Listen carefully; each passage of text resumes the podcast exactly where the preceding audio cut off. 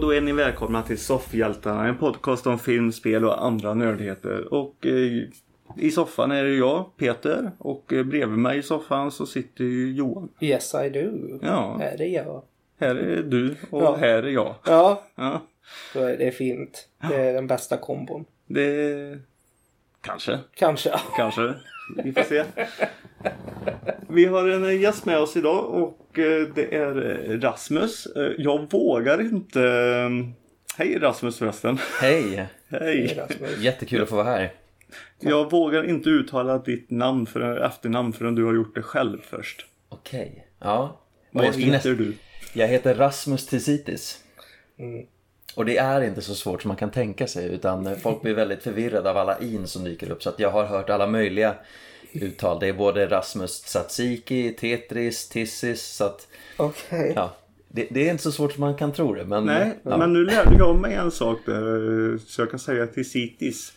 För r sa inte du riktigt. Tisitis? Nej. För r eh, blir ju fel för mig.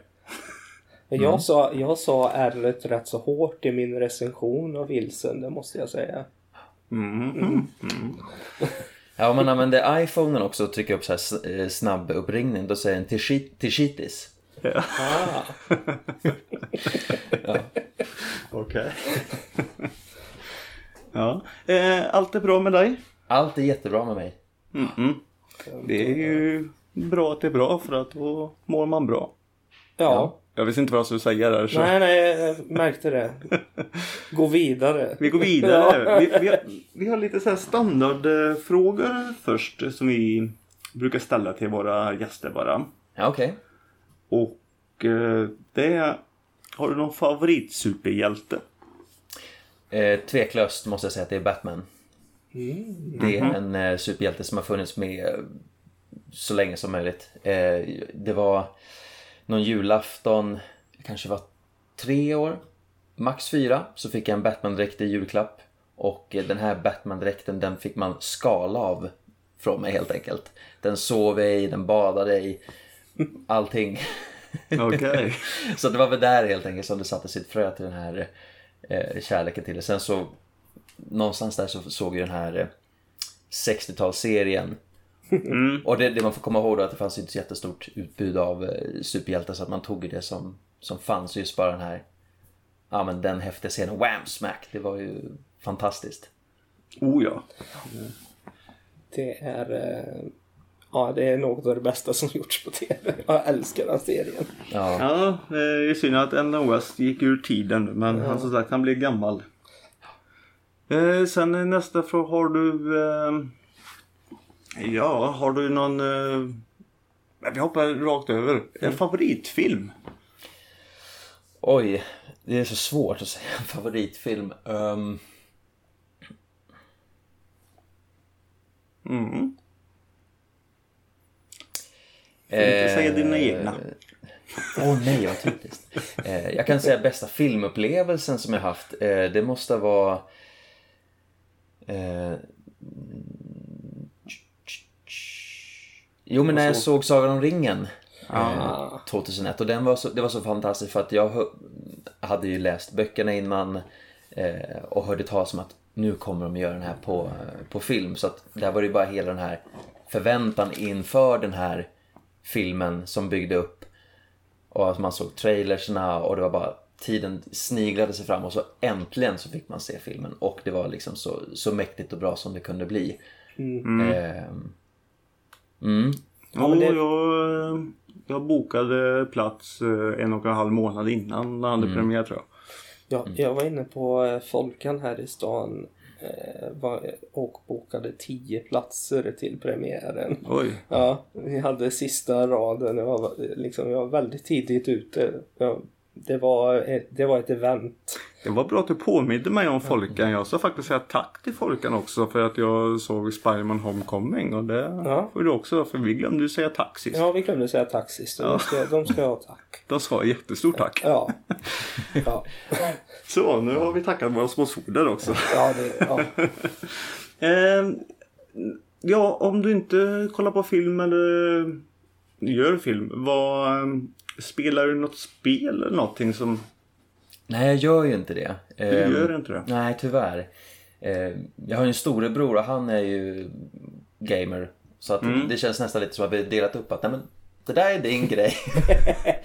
För det var som när vi var, var små och, och spelade Nintendo-spel så, så var det alltid han som fick börja spela spelet och sen var när han ledsnade då fick jag sitta och spela och så dök det upp en ny bana och du sa Åh Martin nu får du komma och ta över. alltså, jag, jag, har, har inte riktigt eh, fastnat för det här gaminget. Jag Nej. kan sitta och titta på cutscenes eh, och så men just hela den här spel, spelförtjusningen, den, det har jag inte riktigt. Sällskapsspel tycker jag är skitkul. Vilket är ditt favoritsällskapsspel? Eh, åh, så många. Men, eh, bara det jag kommer att tänka på nu, lika par leka bäst. Vad är detta? Ja, är det, man, man sitter och eh, drar kort med eh, påståenden om eh, sin, eh, sin partner och så ska man diskutera om det är rätt eller inte och så får man som sagt poäng för det. Det får vi spela någon gång Peter. Nej. Nej, Inte, inte, inte vi. Eller jag hade andra tankar in vad det kunde vara för spel. Men ja. ja. eh, men vi tar lite så här eh, personfrågor också. Ja men kör på. Hur gammal är du? Jag fyller 31 om eh, bara några veckor. Mm. Grattis förskott. Tack så mycket. Grattis. Favoritmat? Eh, laxpasta. Det var det första som dök upp i skallen på mig nu. Ja. Det, var, det är gott. Det åt Ja. jag för några veckor sedan. Ja. Eller några, några dagar sedan menar jag. eh, skostorlek? 43. Favoritdjur? Hund. Ah, good call. Eh, Men- Inte favoritdjur. Inte favoritdjur. Nakenkatt. Och det säger jag främst för att vi har varit eh, kattvakter en gång under eh, två veckor. Och då, den katten hette Gandalf, roligt nog. Och ja, men den bajsade överallt och sprang in och gömde sig. Så att det var, det var därför jag kunde vara så pass specifik.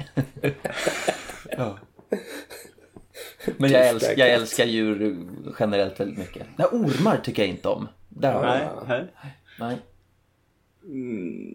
Ja, ehm, har du någon, ehm, någon familj? Ja, jag har eh, min sambo Sabina och så mina två, två barn. Eh, Harley som är fyra år och eh, Hayden som är ett år. Mhm. är det Hayden ifrån Hayden Christiansen? Nej, eh, det, det, det är ju inte det. Eh, utan eh, min, eh, min sambo hon... eh, Det är något namn som liksom bara fastnade hos henne eh, under tonåren, någon, någon bok hon har läst. Hon, hon kommer inte ihåg var någonstans. Men när det dök upp som förslag. Ah, men vad säger de om Hayden? Nej, inte Hayden Christensen. Det kommer så, så fort det dyker upp i nördsammanhang eller någonting kommer det vara första folk frågar. Är det efter Hayden Christensen i Star Wars? Eh, så att vi var ju inne på massa andra namn som eh, till, till honom då. Men sen när, vi, när han väl föddes så prövade de här olika namnen och det bara kändes som att de studsade så var det så här, nej men det här är en Hayden. Mhm. Ja. Eh, Harley då? Eh, Harley heter Harley och så Quinn i mellannamn. Och gör det! Yes. Awesome! Jag Yes. kände nästan, när du, när du sa Ja. Batman och sen säger jag Harley, då så kände jag så här. Det är nog en liten koppling där. Oh yes, yes. Fick du strida för det eller? Oh nej, det behövde jag absolut inte. Eh, Eh, Harley är eh, min... Ja, tack. Harley är eh, min tjejs gamla smeknamn så att eh, vi tyckte att det skulle vara kul att behålla det på något sätt. Mm. Och så just att slänga in ett Quinn däremellan. Det kändes perfekt. Nej, namnen har ju stridit om eh, namn. Eh, Jag har ju en son. Eh, Jag fick inte de namn som jag egentligen ville. Och vilka var det då? Nej, nu kommer jag inte riktigt ihåg heller. Men jag försökte få in sen lite nördigt. Ja, okej. Eh, Min son heter då Ludvig. Mm. Och när det sades det bara, ja ah, det låter ju bra. Och sen så gick den snabba tankar i huvudet och bara, ja det finns ju en spelkaraktär som heter Ludvig. Eh, kopplare. Men det är ingen sån här jättestor. Men det är en eh, son till Koopa. Eh, Ah. så Ludvig Koopa. Eh, kanske inte är den bästa kopplingen till ett namn. Men lite, lite spel fick jag in där. i alla Ja, fall. det är bra. Det är bra. Jag heter Ludvig i mellannamn. Det är... mm. Ja, men då var det det. Ja, precis. precis. Så du visste det någonstans här för Exakt. Eh, har du någon fråga? mer? Johan? Jag. Ja. Eh, favoritfärg på lightsaber? Blått. Blått. Helt klart Okej. blått. Då vill jag ställa frå- samma fråga till Johan. Ja, jag blir lite nyfiken. Ehm, jag gillar eh, The Jedi Sentinels eh, färg. Den, eh, de har vita. Eh, just på grund av att de... Är det canon då? Ja, de, det är canon för att det var med i... ehm, Ja, men är det Canon nu efter Disneys? jo, men de hade med det att The Grand Inquisitor var Jedi Sentinel. Mm. Eh, innan han blev eh, turned to the dark side. Eh, så eh, det är canon att Jedi Sentinels hade vita lightsabers. Ja, jag säger grön och tycker det ser snyggt ut. Mm. Ja, det var det. Eh, ja, det, du är ju med för att du eh, gör film. Ja. Så det är så vi har fått reda på dig. Eh, och eh, en film du har gjort i alla fall som du håller på med nu och... Ja, är det? Promotar. Lasse- Ja, promotar ja. Eh, är ju Vilsen. Just det. Eh, vill du berätta lite vad det är för eh, film? Ja, absolut. Eh, vill ni att jag berättar vad filmen handlar om eller berättar Ja. lite om... Ja, Kör på. Ja, ta Eh, ja. baksidan på fodralet typ. baksidan förlåt. Okej. Jo, nej men Göteborgspolisen Göran Lidman, eh, han leder just nu en eh, undersökning då eh, i centrala Göteborg där det har varit flera ritualiska mord. Eh, där den här mördaren då har ristat in en symbol på sin offers rygg. Och eh, poliserna är mer eller mindre handlingsförlamade. De vet inte vad, vad de ska ta sig till. Så att till sin hjälp så får han en för detta pastor som leder dem in på ett speciellt spår. Och då misstänker de att det finns en koppling till den ockulta världen. Om vi går in på ehm, eh, i, liksom idéfasen eh, till filmen. Mm. Eh, var fick ni eh, inspirationen ifrån? Och manusförfattaren och du och... Ja, själva projektet eh, började någonstans nästan för eh, tio år sedan. Mm. Då eh, Göran som spelar huvudrollen eh, fick en idé att det skulle vara väldigt schysst att spela in en polisfilm i Göteborg och eh, använda katakomberna som, som finns där. Och så hade han eh, tillgång till flera polisuniformer och vapen och allting så att han sa ja, men det kommer bli hur coolt som helst med att springa runt där i mörkret och, och lysa. Och, alltså, så här, ja men absolut, vi får försöka hitta en handling först innan vi kastar oss ner i katakomberna där. Eh, så att då började han och jag att skriva ett manus först. Eh, och vi höll på att skriva det i nästan ett år. Och eh, någonstans där sa vi bara wow, vad är det för någonting vi, vi har skrivit här? För det är nästan eh, tre, tre långfilmer igen. Vi hade en terroristattack, vi hade eh, organisationer och det var eh, en mystisk eh, mördare med ett konstigt förflutet till, till, sin, sina barns, äh, vad heter det, sin barndom. Det var på tok för mycket så vi sa så här, nej men vi behöver någon som kommer in eh, med helt fräscha ögon och eh, plockar ut det bästa. Och då vände jag mig till eh, Omar Lord Fai som eh, skrev manuset istället. Och han plockade ut det som var essensen i handlingen. Och det var just en eh, mordgåta i Göteborg. Det finns en eh, koppling till eh, katakomberna på något sätt. Ska vi inte gå in på spoilers för mycket här tänkte jag men eh, Nej, nej, nej. Eh, nej, det var, det var just att hela den här eh, ockulta delen kommer från Omar. Och det var just den här den touchen som jag verkligen gick igång så det blev en nytändning för projektet. Liksom så, Åh, nej men det här är superspännande och intressant. Jag kan ta den här eh, vinkeln. Ja. Det var just den biten eh, som kändes så, eh, så himla fräsch. Att liksom ta det här som är så väldigt svenskt som en polisfilm. Det som eh, jag nämnde det i den live-recensionen jag gjorde att det, det finns lite Beck-känsla över Göran där. Ja. Eh, och, eh, och sen att ta det och göra en twist på det där det blir helt plötsligt Beck möter H.P. Lovecraft. Eh, det, det var så otroligt fräscht att se i svensk film. Ja men det, det, var, det var lite det vi hade som tanke att det ska kännas väldigt bekant till en början. Och att vi som sagt planterar lite så här frånstickare eller glimtar till någonting annat. För att det sedan ska eskalera. Det, det hade vi som, som tanke just för att bara helt kasta sig in i någonting främmande tror jag att väldigt, väldigt många i en publik skulle vara såhär wow, nej men vad är det här för någonting? Mm. Men, det, men det gör han ju. Den, eh, den tar ju fart sen i alla fall. Eh, Du, du har ju lite, eh, lite småkända namn med ändå. Det var folk man kände igen. Mm. Eh, som sagt, eh, Göran eh, Sjögren då som spelar Göran Lindeman. Han har man ju sett lite i, i bakom kulisserna. Lite mer, känns- inte bakom kulisserna men lite mer i sidan om i vissa filmer.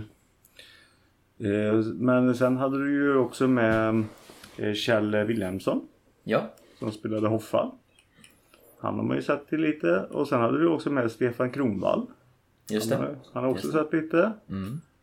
Men den som jag reagerade mest på som jag kände igen det är Johan eh, Gry. Ja, Som spelar Erik Larsson. Och han var med. Eh, Kommissarie Winter. Ah. Eh, ja, så det är väl lite av den, det stora namnet du har fått med tycker jag. ja. Hur, hur känns det att få med folk som eh, folk känner igen? Ja, hur, eh, och hur, eh, hur fick du tag på dem? Mm. Eh, just de eh, skådespelarna så är det helt enkelt stor eloge till, till Göran som eh, jobbade på samma produktion som dem och eh, fick god kontakt och började pitcha in om, om Vilsen. Mm. Eh, så att det är ju tack vare honom så att, som vi hade möjlighet att samarbeta med de här skådespelarna. Och jag kan berätta det just apropå Johan Grieve hade sånt eh, fantastiskt eh, eh, samarbete. Vi, vi, kan, vi kan ju bara börja med att diskutera hur många dagar tror ni att han var med? Oj, eh, det är säkert en. Ja, just för att jag säg, sa det på det sättet så ja, han var med en dag. ja. Och det, vi körde en eh, jätteintensiv här idag eh, tillsammans med honom då och han hade, se, jag tror vi hade 10 eller 15 manussidor som vi spelade in. Och vanligen så brukar man spela in kanske två, tre. Så det här var ju en riktigt eh, tät dialogscen då som han var involverad i. Och då vet jag det att vi hade pratats vid på telefon flera gånger han och jag. Men sen när vi dök upp på, på set den dagen eh, så sa han så här, åh gud, gud vad kul det ska bli att få vara med i den här filmen och, och vad skönt att det inte är så mycket repliker. Så, va? Va- va- Vadå inte så mycket repliker? Det är 10-15 sidor. Ja, jaha, nej men den här versionen som jag har så, så plockar han fram. Eh, då var det bara det här. Ja, Okej. shit. Så, då, då hade han inte skrivit ut eh, eller fått tag på hela manuset som han skulle vara med i. Men eh, det, det är då som hans erfarenhet bara kickar in så att han sa såhär, nej men få det där manuset och ge mig 15 minuter. Så kan du och jag sätta oss och prata sen. Så att han fick sina 15 minuter och så satte jag mig och pratade med honom sen och eh, en halvtimme senare så var vi igång och filmade så att det är verkligen eh, ru- rutin och eh, ja, jag är superimponerad just bara för att det som sagt en hel del Eh, det är ju en, en hel del exposition som läggs just på, på hans axlar och eh, jag tycker att han levererade med en sån fantastisk övertygelse och eh, ja, det, det, är väldigt lätt att man snubblar över sån text vanligen. Ja, det är lite kul och som sagt till Johan och till eh, lyssnarna också det mm. att han har man ju sett i väldigt mycket tv-serier i alla fall. Mm. Som Hem till byn, Kommissarie Vinter då, som han spelar Erik Vinter. Det är nästan det jag känner igen honom mest mm. i tror jag. Men sen också har han ju varit med nu i Irene Huss och sånt där. Så han, han gillar ju kriminalare också. Ja. Så det, kommissarien har Helt rätt genre. Mm. Vad sa du? Helt rätt genre från honom. Mm. Ja, men det, det, han var lite... Ett, uh, det var roligt. Jag satt där när han dök upp bara. Ja, men fan det är ju han. Mm. och det är Johan som spelar... Förlåt nu. Alltså det är, det är han som spelar samlaren va? Ja. Nej? Eh, ja. Ja. Mm. För det var Johan och Johanna. Är det, hon, hon uttalade Johanna va? Ja, Johanna. Mm. Eh, som var... Eh, de stod ut för min del liksom. Mm. Det var otroligt intressanta eh, prestationer de gjorde.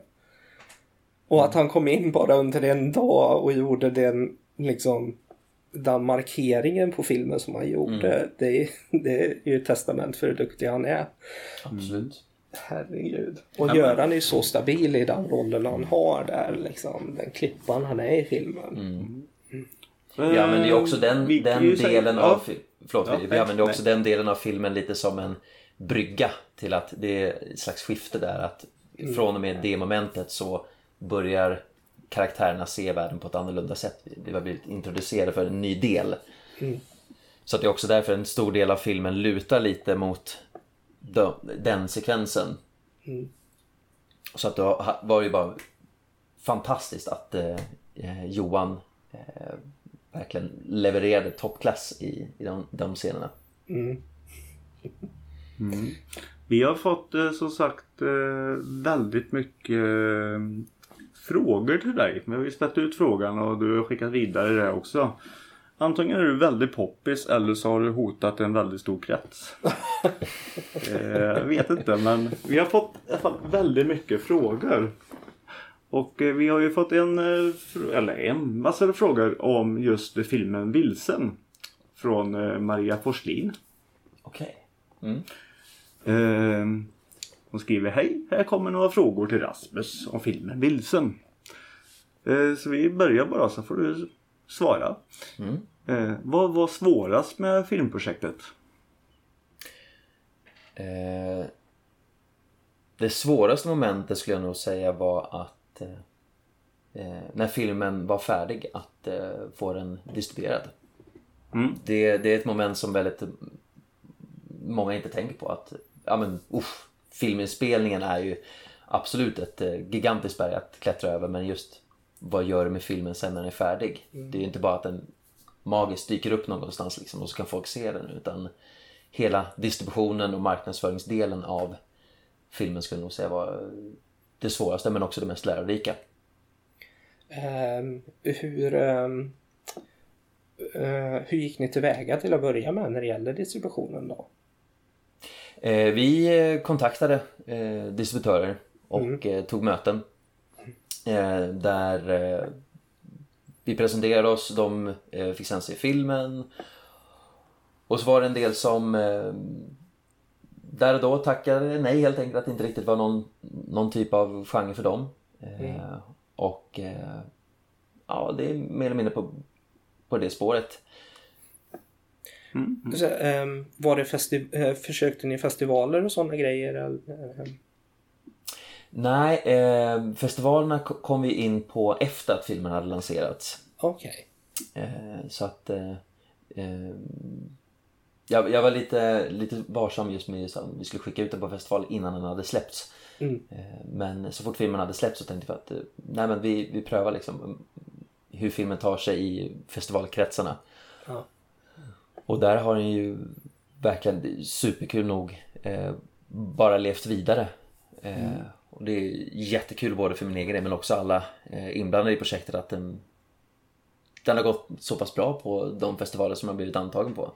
Vad roligt. Mm. Mm.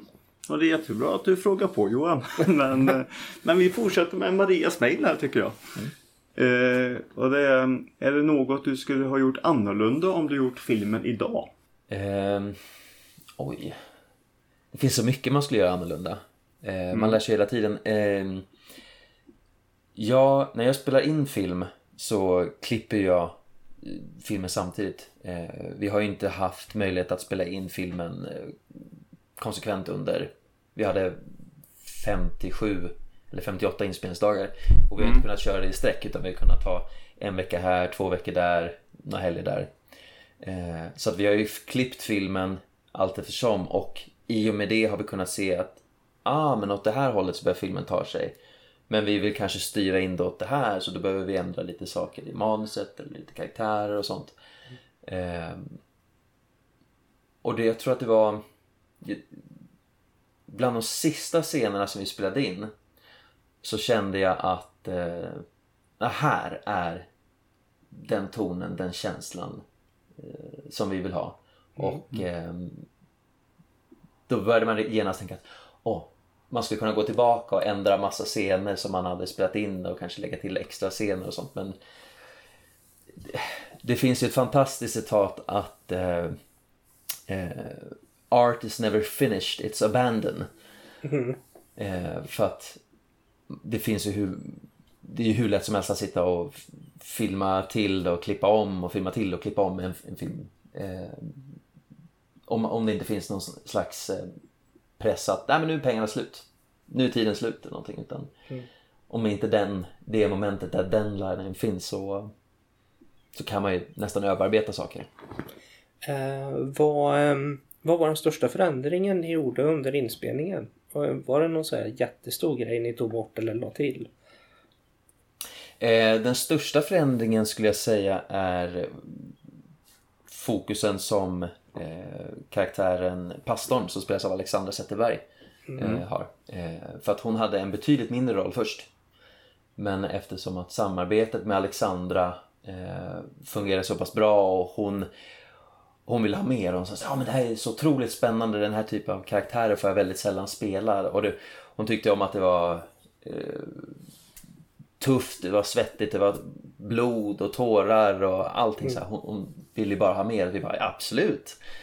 Så att det skulle jag säga är den största förändringen. Och det, det Och- tjänat ni på för hon är jättebra i den filmen. Ja, verkligen. Och då, och då kan vi eh, bara spo- spola tillbaka ytterligare när vi ändå är inne och pratar om Alexandra. Eh, hennes involvering i filmen var ju också tack vare Göran. Eh, han träffade henne och pratade om filmen, om Vilsen. Eh, Och erbjöd henne att läsa manuset. För att då var det först tänkt att hon skulle spela en annan karaktär. Eh, men då sa han, men den här mannen, pastorn, eh, tycker jag skulle vara en, en en kvinna istället för en man. Det är så, så otroligt många starka manliga karaktärer. Det borde finnas en kvinna. Så just i och med att hon pinpointade just den här karaktären och just att varför är det inte en kvinna? Så var det flera logiska luckor i manuset som eh, liksom löste sig och ble- blev bättre just för att det blev en kvinna. Men så sa vi det också, vi vill jättegärna ha dig till den här rollen. Det är ju väldigt roligt att ni gjorde, Mm. gjorde en sån vändning. Ja, Mm. Eh, vad är du mest nöjd med över filmen då? Är nästa fråga från Maria. Eh, mest nöjd? Jag är mest nöjd att eh, filmen eh, blev lanserad och att den finns att se på de olika VOD-plattformarna. Mm. Det är mest Vilka, vilka plattformar finns ni på? Det kanske är värt att ta upp. Eh, det finns på SF Anytime, finns på iTunes, Google Play, eh, Discshop finns det också på. Ja, så vi kan ju rikta Ja, nu. finns också. Passa Ja. på och kolla upp det. Ja, jag ser den här filmen. Den är jättebra. Och det säger jag inte bara för att Rasmus sitter här. Det sa jag innan jag pratade med Rasmus. Nej, men man ska stödja Ja. eh, svensk film. Ja. Eh, sen, eh, Ja, och det här är ju också svensk independent film. Ja. Eh, vi har ju inte fått några eh, statliga bidrag eller någonting för att göra den här filmen eftersom att eh, där vi vände oss och sa så här, nej men det här är inte riktigt vår typ av genre eller, eller så. Så att vi tog ju till oss att nej men vi tror på den här idén, vi vill köra och gjorde det. Och eh, fick göra det utifrån eh, vad vi kunde. Och sen skriver hon hur finansieras det filmen och det har jag ju varit inne på. Eh, eh, och allmänna frågor om filmskapandet. Och det är också, eh, hur kom det sig att du började reg- Ugh. Regissera. ja, film? Eh, ja, jag började ju faktiskt först med, med teater. Och eh, då spelade ju självklart huvudrollen. Okej. Och det här var back in the days när man gick i grundskolan. Och, och då... Eh, jo, jag spelade faktiskt en Batman-teater tillsammans med mina, mina klasskompisar. Där jag självklart spelade Batman, skrev manus och regisserade. Eh, Ja, bra. Men då kunde jag inte liksom säga att det var regissör jag var. Utan jag spelade huvudrollen och sa vad alla skulle göra. Och sen efteråt så förstod jag, ah, nej men regissör, det är det jag tycker om. Och så under tonåren så spelade jag in eh, massa filmer tillsammans med mina, mina kompisar. Då blev det mer naturligt att jag inte var framför kameran utan mer och mer bakom. Har du några skådespelarambitioner kvar så att säga? Är du... Ja, jag spelade teater faktiskt för, eh, när var det nu, 2012. Eh, fångvaktare då spelade jag tillsammans med eh, min sambo Sa- Sabina på Royteatern i Haninge.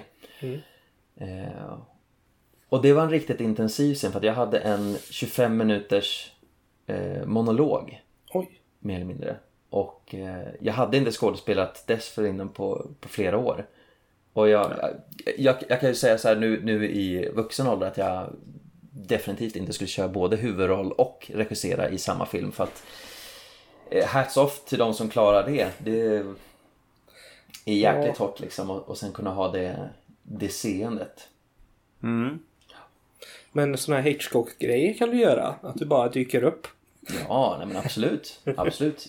Jag gör ju en liten cameo i alla mina filmer och även i, Ja. i Vilsen så, så en liten cameo. Vad vart, inte för att spoila, om det är spoiler så... Nej, det är ingen svara. spoiler. Det är en radioröst vid tillfälle. Yes.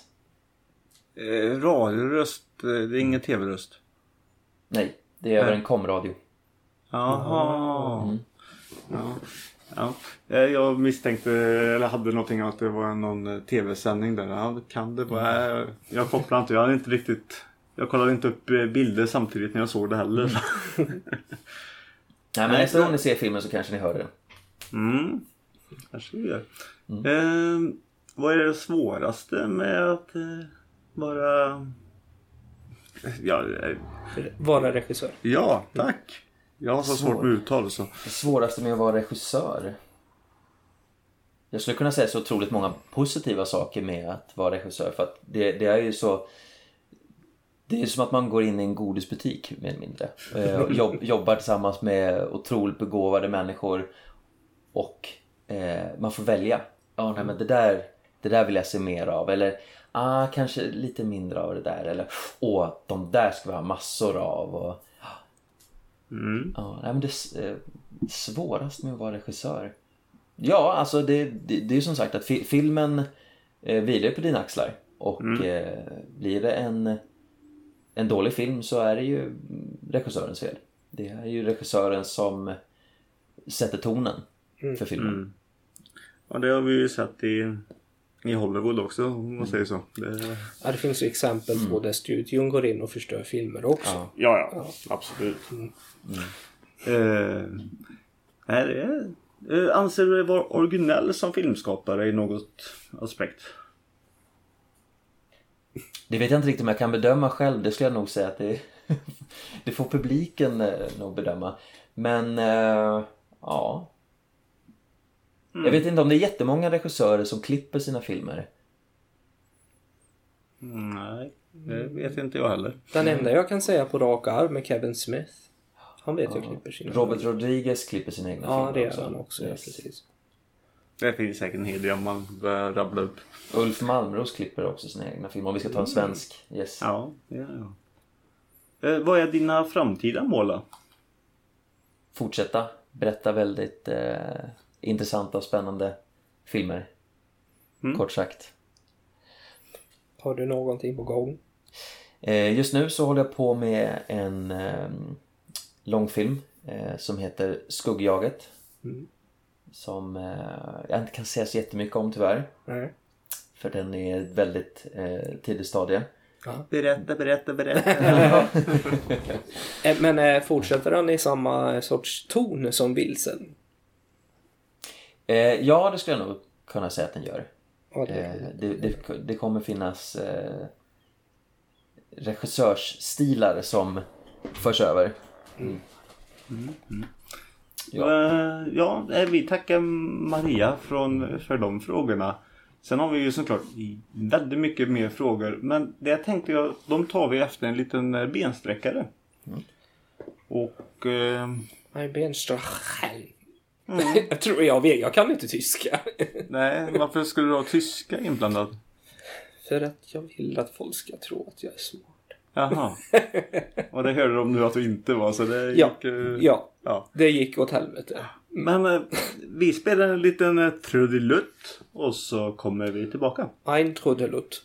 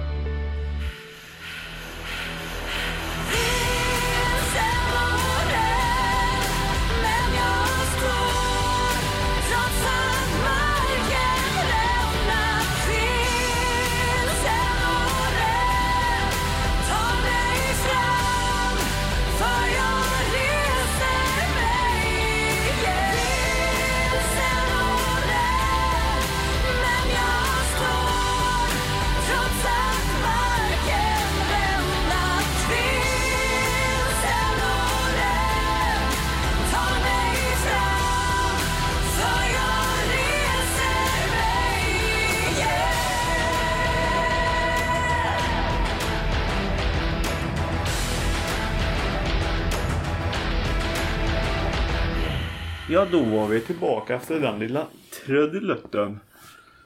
Eh, och eh, ja, som sagt, vi har eh, väldigt mycket frågor och nu har det kommit in en, en fråga från en du känner och det är ju Simon Köll. Ja. Ja. Kompositör och producent på Vilsen. Mm. Och apropå musik och sånt där så så är hans första fråga. Vad är musikens roll i en film i- enligt dig? Enligt mig så är ju musik eh, superviktigt. Eh, både när man väljer att använda musik men också när man väljer att inte använda musik. Eh, jag tycker det är så tjusigt att benämna musiken som filmens själ. Att eh, filmen kan inte riktigt hitta vilken typ av film den är förrän musiken dyker på. Så att eh, ja, musik är superviktigt. Och eh, när jag sitter och skriver så lyssnar jag på filmmusik och får inspiration och så. Så att det är jätteviktigt. Mm. Har du något favorit-soundtrack där? Som du lyssnar på när du skriver? Ja, eh, jag har lyssnat en hel del på eh, Trettonde krigaren, eh, Rejected Score. Eh, av, eh, jag tror det är Graham Revel som har skrivit den musiken. Ja. Eh, så den har jag lyssnat på en hel del. Men så faller jag in lite på lite Hans Zimmer ibland och Harry Gregson Williams. Så det finns väldigt, väldigt många spännande kompositörer. Jag, jag skulle nästan säga att det, det görs inte riktigt lika spännande och intressanta soundtracks eller scores som för eh, 10-15 år sedan. Mm. Så att jag hade, ju, Nej, jag hade en eh, eh. period där när jag samlade på jättemycket filmscores och, och så men eh, det blev ett glapp däremellan. Mm. Mm. Eh, Vi fortsätter med Simons eh, frågor här och då läser jag. Eh, Vi samarbetar väldigt nära och något jag har fått erfara är att du är, eh, är mer än en regissör. Du är klippare, projektledare och eh, ytterst en konstnär. Som hela tiden eh, kommer göra bättre och bättre projekt. Vad driver dig att jobba med eh, jobba med flera delar av filmmediet? Jag skulle nog säga att eh, det är väldigt många delar som går ihop. Eh, jag gör ju även storyboards eh, för det mesta till, till de filmer jag gör. Och det är som min eh, första pass helt enkelt. Vad, vad är det för någonting som jag ser framför mig? Eh, från, från manuset till, till bilder. Så jag, jag brukar säga att det är, det är då som jag kan vara konstnärlig när jag sitter själv, läser manuset och utifrån det får, får bilder som jag ritar upp. Eh, för att sen på filminspelningen då är det mera, ja, nu vet jag vad, vad som behövs för att vi ska kunna berätta den här scenen så pass effektivt som möjligt. Och, då- och då är det mera att man, eh, det är som att man går in i en matvarubutik eh, och plockar på sig precis det man behöver för att man ska kunna göra sin eh, göra sin rätt. Liksom. Det, det funkar inte att komma till ett sätt för hungrig för då slutar bara med att man hamnar vid godiset på slutet och bara plockar på sig massa saker. Eh, Simon fortsätter här. Du har lärt mig mycket och jag vet att även jag har lärt dig mycket. En sak du ofta återkommer till eh, efter att jag en gång sa eh, det är att snabba killar gillar snabba killar. Vad menas med det? Eh, ja, eh, det jag tror eh, han menar är att eh, jag tycker om att samarbeta med folk där, eh, där det sker på en gång. Jag eh, kan bli väldigt otålig ibland. Jag vill att saker ska ske nu. Och eh, när jag stöter på folk som är lika hungriga tillbaka då blir jag bara ännu mer inspirerad och igång liksom att yes nu, nu kör vi liksom. Eh, så att där har jag och Simon en fantastisk arbetsrelation just att han, han tycker också om när det går, går fort liksom att man, eh, man jobbar på. Så det, det är väl lite där just snabba killar och sen eh, skämtar vi eh, sinsemellan om just en del människor som kanske inte riktigt är, lever efter den koden ibland. Och då säger vi det, ja men snabba killar gillar snabba killar. Ja, jo. Ja, Så, Ja. så kan man också säga. ja. Ja, Då tackar vi Simon för det. Och så har vi fått en fråga här från eh, Rebellradion. Okej. Mm. De har skrivit till dig här vet du. Uh, hej soffhjältar och Rasmus. Uh, jag har några frågor till Rasmus. Jag hoppas ni... Ja. Uh, om en bortser från ekonomin. Vad var det svåraste med Vilse-filmen? Var det att hitta roliga locations? Uh, få till ett manus, hitta deras skådisar? Eller CGI-effekterna? Eller vad var det som var det svårast att... Ja, om man bortser från ekonomin i allting då. Jag skulle säga att allting av det som nämndes eh, är ju en, eh, en svårighet i varierad grad. Eh, Men just i den här filmen så var det ju inspelningsplatserna som vi sa att vi skulle verkligen försöka pusha oss själva att hitta särägna och spännande miljöer att spela in i. Min, min förra film, som Star Wars fanfilm, spelade vi in större delen mot green screen. Och då bestämde vi det som sagt att nästa film eh, ska vi köra med rikt, riktiga locations. Eh, I så stor utsträckning som det går. Och eh, även i Vilsen så finns det en hel del eh, effekter. Men inte ens i närheten som, som i Threads of Destiny. Men det var väldigt bra effekter i Vilsen tycker Mm. jag. Liksom hög kvalitet på det. Ja, jättekul att höra. De, har, Ja. de som arbetar på effekterna på filmen har verkligen fått flexa sina muskler och det, det finns en hel del effekter som är så att säga osynliga eh, effekter där vi har plockat bort skyltar eller an, sladdar eller andra typer av störande objekt eller vi har förlängt eh, kulisserna helt enkelt. Eh, och det är sådana här saker som man inte tänker på när man ser det men eh, jag som vet hur pass mycket arbete som har gått in i de här klippen Ja. känner ju till och kan uppskatta det på, på ett sätt. Men så har vi en hel del fantastiska, ja, mer självklara effekter som explosioner och, och sådana saker. Mm. Ja, det, det, var, det är jättesnyggt alltså. Ja. Um, Okej, nästa fråga. Uh, hur ställer du dig till uh, filmtjänster på nätet? Ström, strömmad film, fildelning? Um, det är ju ett, ett eh, tvegat svärd så som jag ser det. Det är eh, lätt att sprida sina filmer eller annan konst men svårt att behålla kontrollen och att få betalt. Hur ser du på möjligheten och fallgroparna för indiefilmen i dessa tider av fildelning och kampen om ett fortsatt fritt internet? Det var en väldigt lång fråga men en väldigt intressant fråga. Eh, jag skulle säga det att eh, folk eh, klagar väldigt mycket över att eh, de inte kan se den typen av filmer. De vill att eh, de här mindre eh, filmerna inte riktigt får den exponeringen eller den spridningen liksom som de vill. Problemet är bara det att eh, när man väljer att oh, nej, men den här filmen kan inte få tag på något annat sätt så att jag laddar ner den. Eh, och absolut, det är superbra att man ser eh, filmen. För det är det som är filmskaparens eh, grund, att kunna spri- sprida det man har gjort. Men samtidigt så finns det ingen statistik, det finns eh, ingenting som tyder på att just du har sett filmen. Eh, och på så sätt så, så hjälper det ju inte filmskaparen som har gjort filmen att kunna fortsätta göra filmer. Så att eh, betala för den, eh, den konst du konsumerar. Skulle jag säga kort. Mm. Så heter det. Yes. Ehm, och då, eh, när ska du göra nästa Star Wars-projekt? Det är Sista frågan där. ja, eh, jo men jag kommer göra min nästa Star Wars fanfilm när, när Disney ringer till mig. Då gör jag min nästa fanfilm. Om du håller uppe den kvaliteten så har du inte långt kvar, det vill jag säga. Ja, ja vad kul. Eh, vad skulle, ja, ja, följdfråga på det då bara lite snabbt. Vad skulle din Star Wars-film handla om? Om man inte säger att det är en sagafilm utan en sån här anthology-film.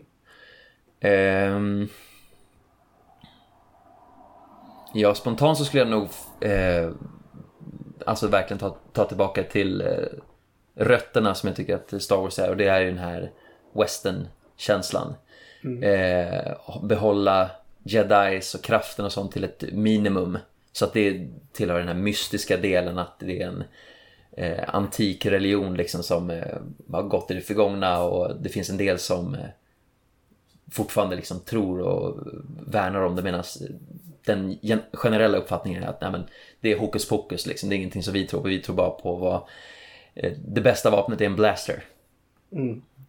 Så att eh, mer åt det hållet, ska jag säga. Ah, okej. Eh, sen har vi fått eh, mer frågor här av en som heter Marcel. Kori, tror jag. Ja, vad trodde du? Marcel Kori. Ja, då säger vi det. Mm, så heter han. Eh, och ja, han är ju skådespelare tydligen. Men han frågar dig, vad anser du att det är, är som får en skådis att sticka ut mer än andra sökande? Ja, eh, om jag tänker under eh, castingprocessen så skulle jag säga att eh, det som får en skådis att sticka ut är eh, vad, är- vad är det för typ av eget eh, bagage som skådespelaren kan plocka med sig till rolltolkningen. Jag tycker väldigt gärna om att när vi presenterar en roll, presenterar material, att skådespelaren får komma med sina synpunkter och idéer innan vi börjar påverka dem allt för mycket. För det, det finns ju någon, någonting i just den här eh, ursprungliga gnistan och inspirationen hos en skådespelare som jag vill eh, värna om. Så att det, det ska jag säga är en väldigt viktig del. Eh, sen vad anser du är viktigast hos en skådespelare för att lyckas i branschen? Eh, arbeta hårt och eh, vara trevlig mot folk. Ja, det kommer man långt med. Ja, det, det kan man ap- applicera på i stort sett allting. Men eh, eh, är du hårt arbetande och eh, jävligt trevlig så eh, är det många fler dörrar som öppnas än om du är inte så hårt arbetande och, och dryg. Eh, Vart är du i din karriär om fem år undrar han? Åh. Eh, Eh, ja.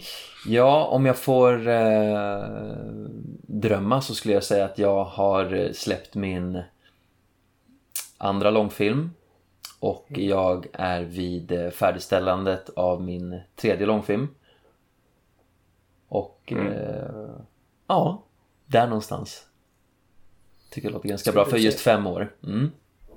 Skulle du säga att det tar ungefär två och ett halvt år att göra en, en film på den nivån som Vilsen då till exempel? Ja, det skulle jag säga.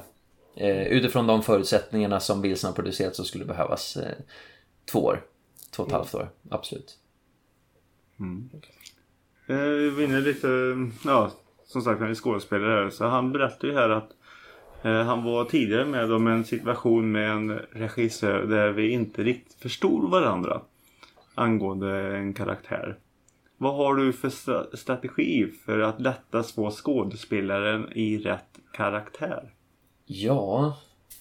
ja det, det bästa är som sagt om man har möjlighet att eh, prata eh, om så mycket som möjligt om karaktären och val och stil innan man kommer på inspelningsplats. Att eh, det viktigaste arbetet görs innan. Men det, det är klart att det kan dyka, dyka upp eh, olika varia- alltså varianter och synpunkter på, på hur saker ska eh, gestaltas på plats. Jag skulle säga att eh, om skådespelaren har en idé eh, för en scen då, vi kan, vi kan inte tänka att det är liksom hela, hela filmen som det kommer påverka utan just en scen som skådespelaren har sett liksom på ett sätt och regissören på en annan. Så eh, skulle jag tycka att det bästa är om regissören och skådespelaren säger ja, ja, vi gör en tagning där vi kör din version och så gör vi en tagning där vi kör min. Istället för att man fastnar i en diskussion och bara går liksom fram och tillbaka och diskuterar. Utan eh, gör istället. Så har man den valmöjligheten sen i redigeringen vad som passar bäst. För att i slutändan så är det ju viktigast hur förmedlas eh, storyn. Inte vems idé som blir vald. Men då tackar vi Marcel för, för de frågorna. Sen har vi frågor från Omar Fey och då vill jag säga eh, till Omar här att eh, man kan eh, skicka frågor på samma mail. Det får plats. Det var ett tips. Eh, för han skickar två frågor i två separata mail. Eh, Men det går bra. Och han frågar i alla fall, första frågan är Vilken regissör tycker du har gjort mest intryck på dig? Wow. Um... Åh, ehm, jag har nog två svar. Eh, ett, ett självklart är ehm, eh, Christopher Nolan eh, av någon anledning. För det känns som att så fort man ser en Christopher Nolan-film så vet man bara medan man ser filmen bara shit, det här är en riktigt bra film. Eh, men sen så tycker jag också väldigt mycket om Robert Rodriguez som vi pratade om tidigare och just hela hans mentalitet att eh, man gör det eh, lite själv. Mm. Så att säga. Absolut inte för att eh, du som regissör ska göra allting själv men ha möjlighet att göra och eh, göra så mycket som möjligt själv. Mm. Men han är ju extrem också. Han eh, regisserar, klipper, gör musik och massa saker. Men han är en riktig inspiratör. Har du läst hans bok? Ehm, och jag kommer inte ihåg vad han heter nu men det handlar ju i princip om hur man gör en film för ingenting. Nej, jag har inte läst den. Nej, men jag har blivit rekommenderad så jag ska försöka lägga vantarna på den och läsa. Mm. Ja, det ska vara jäkligt bbra. Framförallt som liksom en guide för filmskapare. Mm. Eh, Men inte för att du behöver det på den liksom, för du vet ju hur du ska göra. Men den, den är väldigt bra. Mm. Ja, han, hans mentalitet ifrån sina tidigare filmer är ju det att han har ju oftast tänkt på, men vad är det för någonting som jag har att tillgå? Vad har jag i min närmiljö? Ja, men jag har, eh, jag har en buss, jag har eh, en pizzeria eller någonting. Och då så skriver han ett manus utifrån det. Eh, istället för att skriva massa scener, eh, märkliga inspelningsplatser som man kanske inte har till sitt förfogande. Precis. Eh, nästa fråga är om du fick påverka något i svensk film idag, vad skulle det vara och varför? Jag skulle nog säga att eh, svensk film skulle behöva eh, mycket mera genrefilm. Och eh, ja, men just den här B-filmskategorin kanske man skulle säga. Mhm. Eh, för att det, det, det är så otroligt smalt just vad, vad man tänker är en svensk film. Att antingen så är det en romantisk komedi eller så är det en eh, kriminalare. Mm. Och eh, det skulle ju vara betydligt häftigare om vi, eh, vår svenska filmbransch hade, ja men som våra grannländer, eh, Norge, Danmark och Finland som har ett fantastiskt eh, utbud av eh, genrefilmer som både det går bra på hemmaplan men också internationellt. Mm. Så det tycker jag verkligen att vår eh, svenska filmbransch skulle våga sig till. Mm, jo, ja, men det, det stämmer faktiskt. Att, eh, ja, vi behöver ändra genren lite mer för det är ju som en annan... Ja, vad är det som går på TV? Ja, det går en svensk film och det är en kriminal. Nej, jag orkar inte. Ja. Jag har sett typ alla. Det, det är lite så.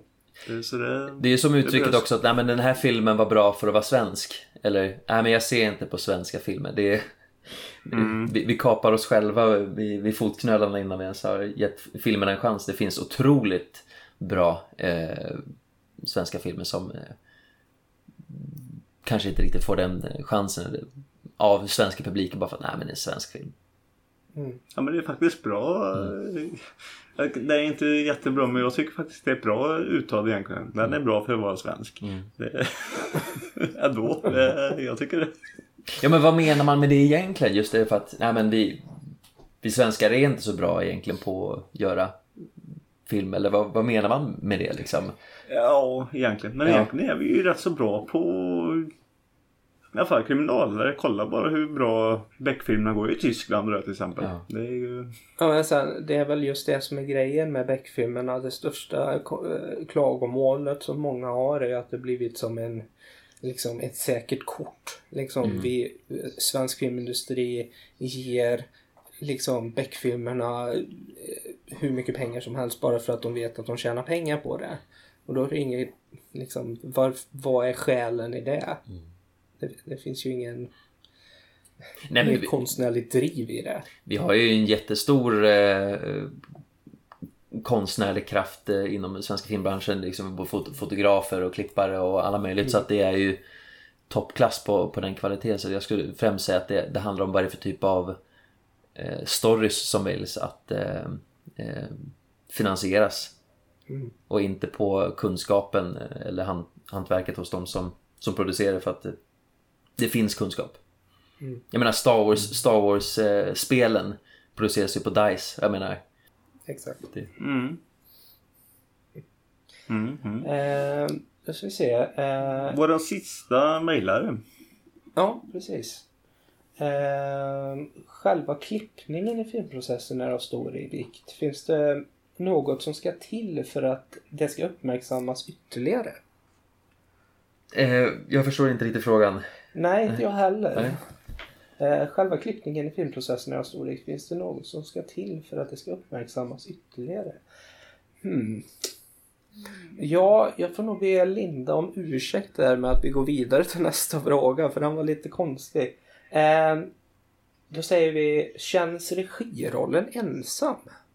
Eh, nej, det, det tycker jag inte. Jag har haft som fantastisk tur med, med de projekt jag har varit involverad i och regisserat att jag har haft otroligt begåvade och talangfulla människor omkring mig så att jag har inte känt att jag varit ensam utan jag har alltid haft eh, en arsenal med människor att kunna vända mig till för eh, idéer, tankar och, och, och stöttning. Så att jag kan inte säga att det har varit ensamt. Nej. Nej, nej, för annars så kanske du kunde få en bredvid dig här. För nästa fråga hon skriver det är Kan du tänka dig att ha ytterligare en, en regissör vid din sida i något projekt? Eh, absolut. Hon söker jobb. Ja, absolut. Bara höra av sig. Vad kategoriserar eh, bra regi enligt dig? Vad är bra regi? Ja, som sagt för att komma tillbaka till lite det jag nämnde tidigare att en regissörs jobb är ju att eh, sätta tonen och eh, välja. Och om regissören inte riktigt har den den förmågan så blir det ju oftast den här buffén av allting. Och det kan vara väldigt många bra saker men det, det, det blir liksom som en Ja men en buffé liksom, du slafsar ihop eh, alldeles för många saker och eh, då, då blir det bara en röra till slut. Eh, vad gäller för en skådespelare för att få jobba med dig? Vad som krävs för att en skådespelare ska jobba med mig är... Ja. Ja. ja hör av dig till mig och eh, pitcha om ett drömprojekt som du jättegärna skulle vilja jobba med mig på. Eh, hör inte bara av dig till mig om att säga att hej, jag vill vara med i din nästa film och sen så finns det mer utan eh, Då skickar inte jag något. Ja, men jag, jag är alltid på jakt efter eh, spännande och nya projekt liksom att sätta tänderna i och samarbeten och sånt så att jag är absolut inte främmande för det. Men eh, det, det skulle jag nog säga är en säga, Men vad, vad finns det för någonting man skulle kunna göra tillsammans? Att det finns något sånt som utgångspunkt. Hur ser ett drömprojekt ut för dig då? Är nästa fråga.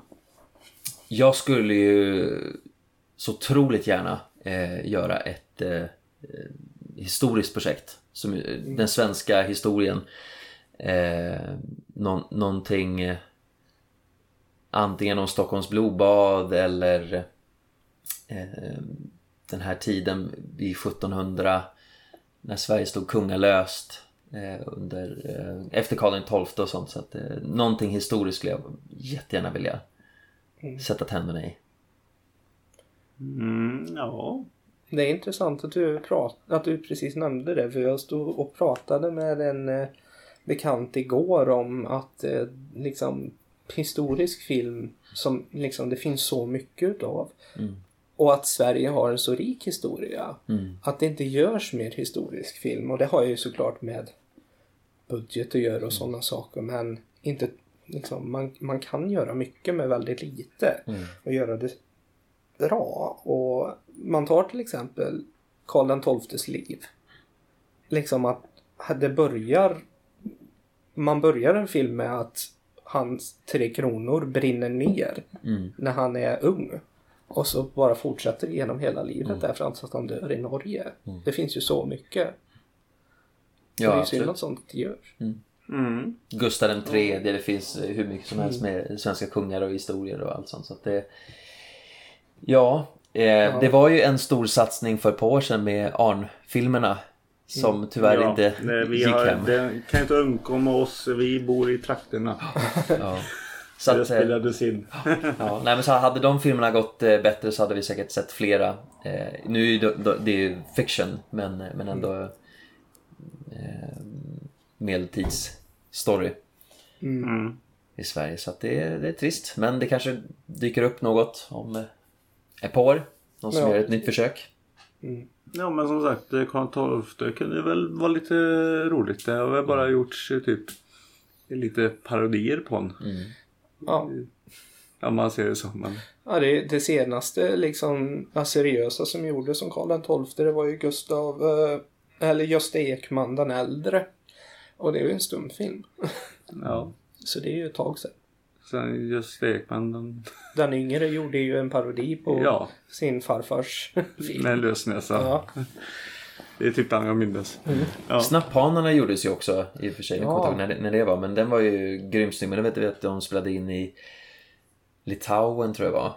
Mm. Eh, och så tog vi dit några, de svenska skådespelarna.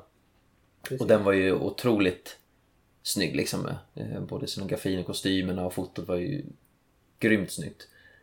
Men Ja, det eh, var väl de där um, eh, stormkillarna som gjorde den. yes. yes. Ja. Väldigt duktiga skådisar och de har ju Hollywood snappat upp och tagit bort ifrån Sverige. Liksom. Mm. Ja. Men det var väl eh, som sagt eh, när vi pratade om Snapphanar. Det var väl att han var snyggare. Sen filmmässigt, den gillade inte jag. Det är min grej. Men, eh, nej men det gjordes ju något i alla fall. Och den, det var ju många som... Ja, den som man ser, den som man ser och ser. Och sen så försvann det på något sätt. men ja, förstår vad du menar. Vi ska hoppa vidare här lite. Vad... Ja, nästa fråga läser Johan. Uh, ska vi se. Ehm, Går det bra förresten eh, Rasmus? ja, ja Är absolut. det kul att svara på massa frågor? Inga problem, det är hur kul som helst. Så spännande att höra vilka det är som har skickat in frågor och vad är det för någonting de ställer för frågor. Ja, eh, jag är jätteglad för jag hade inte kommit på en enda. så jag är jätteglad att fått hjälp med de här. Så det bara gått igenom dem lite innan. eh, kan du ge dig själv cred för det du skapar? Ja, det, det beror ju på vad man menar med det och ge sig själv cred. Eh, Jag tror att hon menar att, eh, att liksom du, du kan ta stolthet och du kan prata stolt om det du, det du har skapat. Liksom, du är inte blyg. Ja. Ja, men det, det tror jag.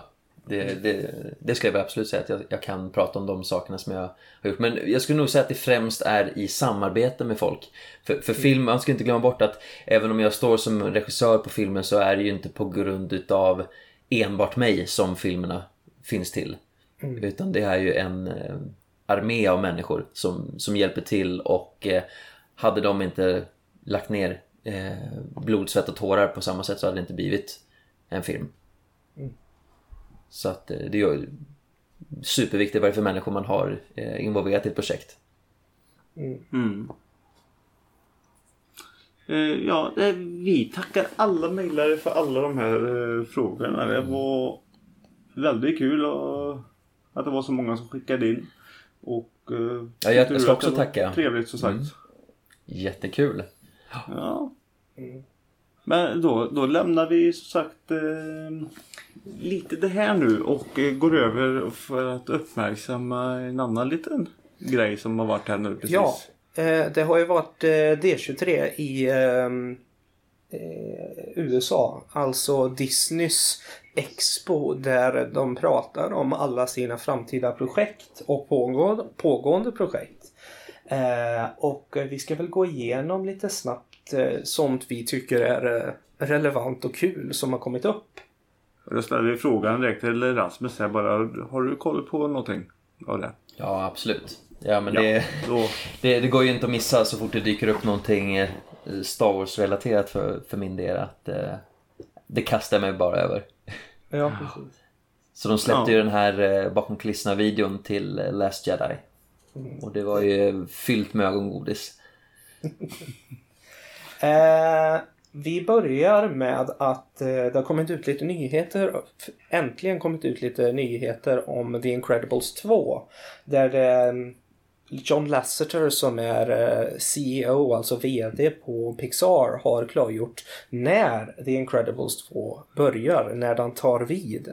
Och då har det alltså visat sig att den börjar bara några minuter efter att första filmen slutar. Alltså att första scenen i den filmen kommer att vara en setpiece och en fight med The Underminer som dök upp i slutet på första filmen. Eh, och det tycker jag personligen är ett jävligt schysst sätt att börja filmen på. Ja, det är det ju. Eh, det är ju bara att kolla på som ja, The Raid-filmerna nu Mm. senast där nu egentligen. Eh, Ettan, eller tvåan börjar ju där ettan slutar Ja, ja, exakt. precis. så sådana filmer är, är väldigt bra. Och Mm. då måste jag ju se om Incredibles 1 såklart. Ja, du har ju, du har ju ett par år på dig. För jag menar, han släpps ju inte förrän, eh, jag ska se. Ja, det tror är 2018. Ja, du har ett år på dig ungefär. Ja, Ja. jag ska hinna få tid till också. Det, det är ju det. Och det har också framkommit då att eh, andra filmen kommer att eh, fokusera mer på Elastigirl eh, som huvudperson. Alltså att eh, det är eh, mamman i familjen som är huvudkaraktären var där eh, i första filmen så var det ju om pappan Bob Hars eh, oh, vad heter han? Var det inte mer hela familjen? Eller? Jo, jo, det var det ju. Det, det var ju en familjefilm, men det var ju hans ångest som ledde till att allting hände i filmen. Ja, så var det. Ja. ehm, och jag tycker det är kul att liksom de vänder på fokuset och koncentrerar sig på någon annan i familjen. Och jag hoppas ju att de ja, tar upp eh, det fortsatta problematiken med att vara tonåring för barnen med sina superkrafter och sen bebisens väldigt väldigt an, liksom eh, anarkistiska eh, superkrafter som kommer ifrån alla håll. Är det någonting du... Eh, Ser fram emot Rasmus. Ja, absolut. Ja, men jag älskar första Incredibles. Så att, eh, Jag förstår inte varför man väntar så länge med den här uppföljaren. Det, var- det, var- både Cars 2 och Cars 3 dök ju upp utan att det var nå- någon film som jag var allt för många som skrek efter. Så att eh, det här är på tiden att den kommer. Vad är det, Eh, 14 jag- år efter första filmen? Eller hur, hur långt är det? Ja, det är 2014. 2004 kom den ut har jag för mig. Ja. Ja. Nej. Var det 2003? Ja, det- är ett bra tag sedan. Ja. Ja, eh, och det är verkligen på tiden. Men jag tror att det handlar om liksom Brad Bird efter Incredibles så ville han göra Ratatouille. Och efter det så blev det ju Mission Impossible för honom och sen Tomorrowland och det är först nu som Nej, nu ska jag göra Incredibles 2. Brad Bird gjorde ju enligt min mening den, den bästa eh, Mission Impossible-filmen. Eh, Ja. Och det, det som är så underbart i, i den är ju eh, att allting går fel hela tiden. Den, den här maskmaskinen den, den strular så de kan inte använda maskerna och när han, eh, Tom Cruise hänger på byggnaden utanför så här handskarna som man använder bara glitchar och ja, det, är- Ja. det är den bästa tycker jag. Ja, den, den har väldigt mycket komedi som landar rätt i sig också. Liksom. Det känns inte ur att, att man tas ur med de här roliga ögonblicken som är Jeremy Renner när han eh, när Tom Cruise hänger utanför Burj Khalifa där och han bara You're not gonna make it! ja, den är jävligt bra den filmen alltså. Ja, den är nog den bästa. Håller du med om det Peter? jag zonade ut lite där. Vilken pratade vi om? Mission Impossible 4. Ja. Den han klättrar på dig, eh, världens högsta hus. Burj Khalifa. Är det där med Mikael Nyqvist? Ja, Mikael Ja, Nyqvist är en väldigt... Och det glömde vi ju faktiskt också säga det att eh, ja, det är tråkigt att eh, han gick bort. Ja, Ja, väldigt tråkigt. det, väldigt tragiskt. Oväntat Ja, också skulle jag säga Ja. för min del. Jag hade in, inte koll på att han var sjuk. Nej. Så Nej, han lyckades hålla det hemligt för oss andra.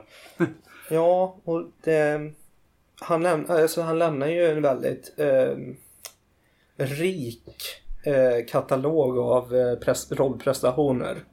Eh, väldigt varierade rollprestationer liksom. Han kan ju spela som den här eh, tragiska familjefadern i Tillsammans till att vara skurk i typ John Wick eller Mission Impossible.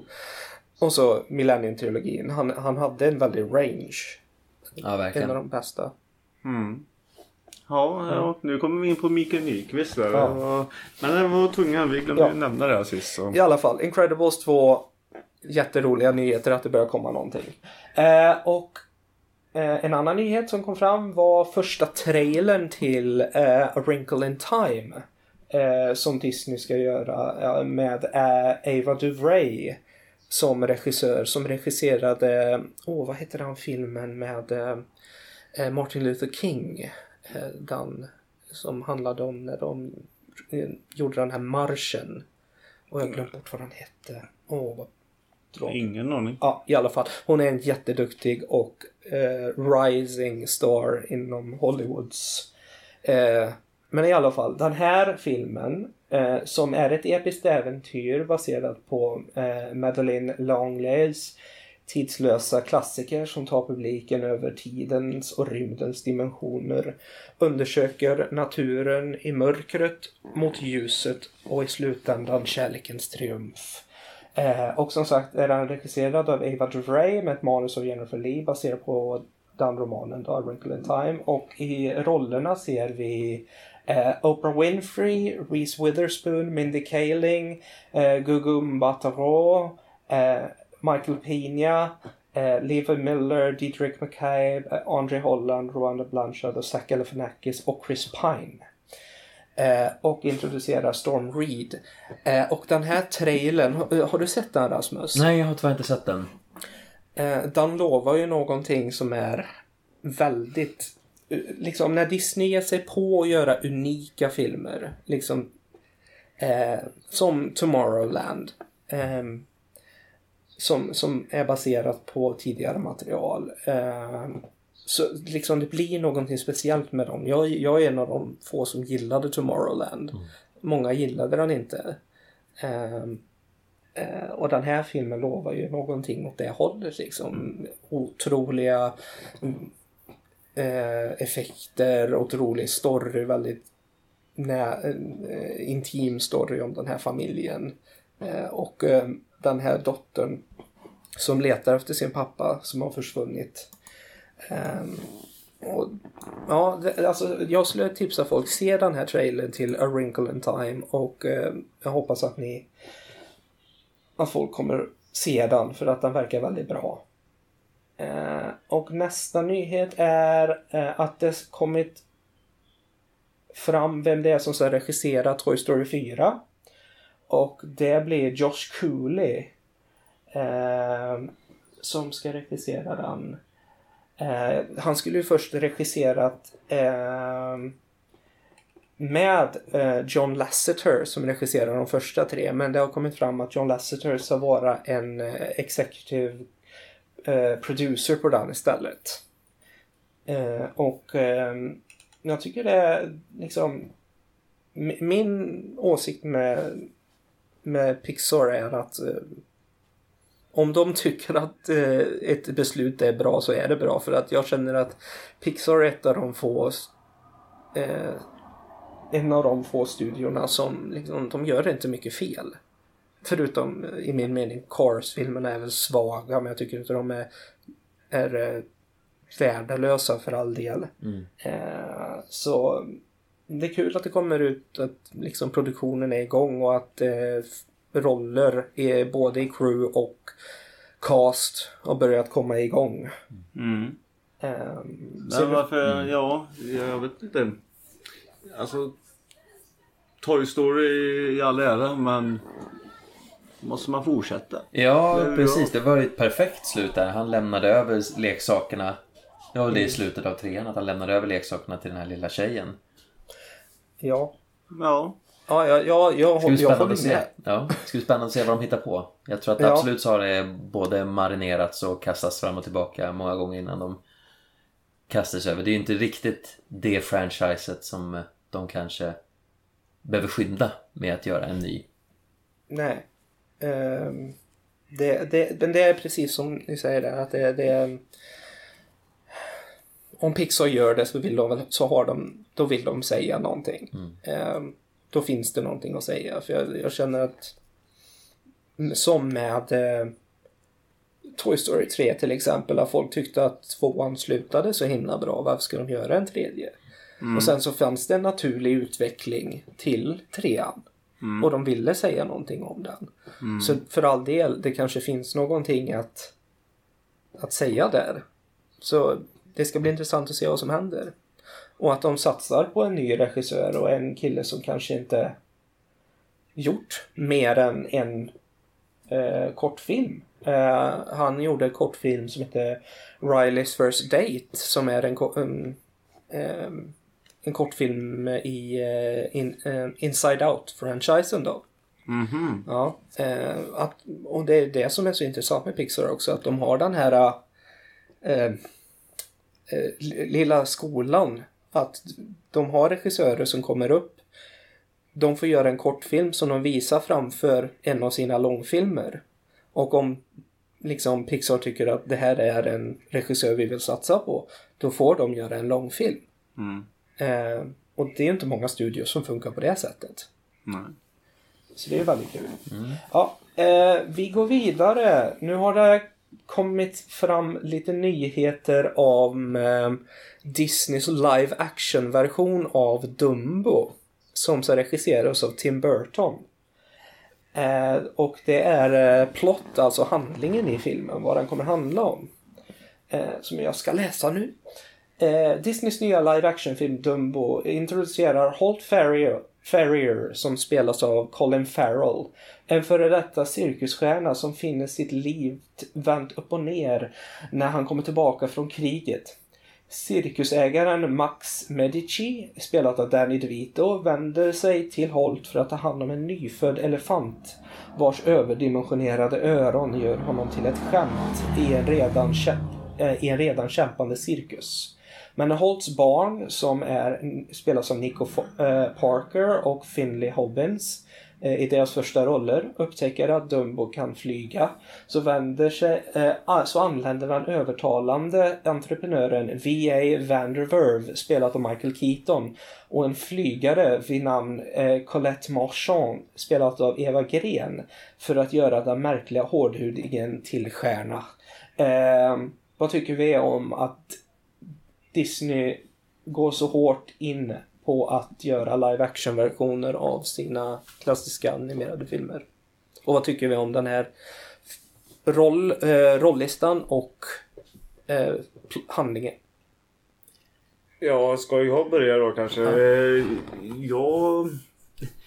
Ja, det är väl kul att de eh, gör live action. Det kan ju funka för det är ju som sagt det är väldigt gamla filmer och och som sagt att ta och göra något nytt.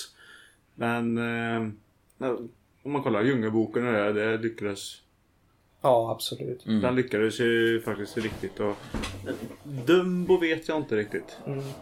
Eh, rolllistan dock eh, var väldigt eh, stora namn så Mm. Ja, jag gillar eh, att... Eh, kul att se eh, den med Vito igen då. ja, eller hur? Eh, Vad tycker du Rasmus? Nej men jag tycker att det är alltså, he- helt rätt att de eh, gör live actions. Eh, För att det är ju bara nytolkningar av samma berättelse. Så att originalen finns ju alltid kvar att kunna titta på. Eh, jag menar som nu nya Skönheten och odjuret som kom. Eh, Som jag inte alls tyckte om, live action versionen. För att jag, eh, den tecknade ligger så varmt om hjärtat hos mig. Eh, och den var ju jättetrogen eh, adaption. Eh, som var längre än den tecknade men den kändes stressad. De, jag tyckte att de inte riktigt vilade några ögonblick och de här nya sakerna som de lagt till det kändes bara ja, men överflödigt. Ja, men jag håller med helt och hållet där. Den, att, jag hade svårt för alla eh, nyversioner av de klassiska låtarna. Ja, Ehm, jag tyckte, och framförallt att det verkar som att Emma Watson, som är en av mina favoritskådisar eh, från sin generation då, ehm, inte kan sjunga tydligen. Att de hade, det hördes att de hade autotunat hennes röst. Vilket jag tycker hon förtjänar bättre.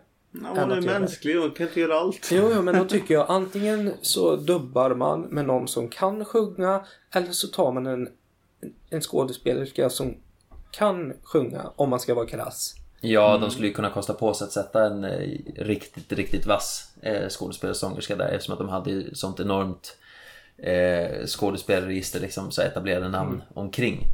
Eh, men jag menar bara för att komma tillbaka till just tolken och sånt, Djungelboksfilmerna är ju väldigt annorlunda eh, än den tecknade. Eh, precis. så det, det är ju häftigt att de gör någonting nytt med det. Men sen för att komma Ja. tillbaka till med Dumbo så hoppas jag att i den live action filmen att de behåller Dumbo som stum. Och Ja. inte har att han börjar prata en, en massa för att det är någonting som jag kommer ihåg väldigt, väldigt fint just att det, han är uttrycksfull utan att säga någonting. Fast eh, som det är nu tydligen så är det ju inte djuren alltså. Det, nu är det ju människorna nu som eh, tar hand om Dumbo om man säger så. Ja. Så eller Jumbo som majaken heter. Det är ju bara ett misstag att han blev Dumbo. Det, det som gör mig lite orolig är ju, det är ju Tim Burton. För han, liksom på 90-talet så var han en av de vassaste regissörerna i världen. Och sen i alla fall de senaste åren så har han blivit väldigt svajig. Ibland så är det bra, ibland så är det som med Alice Underlandet otroligt dåligt. Men eh, vad har hänt? Eh, är han och Johnny Depp ovänner eller? Är det andra filmer han inte är med i nu eller? Det känns väl som att de behöver ta en paus. Ja, Ganska behövlig paus, skulle jag i Ja. sådana fall säga. Mm. Ja, för det verkar som att Johnny Depp vill göra andra grejer och Tim Burton vill göra andra grejer och det köper jag för att det förhållandet gick alldeles för långt.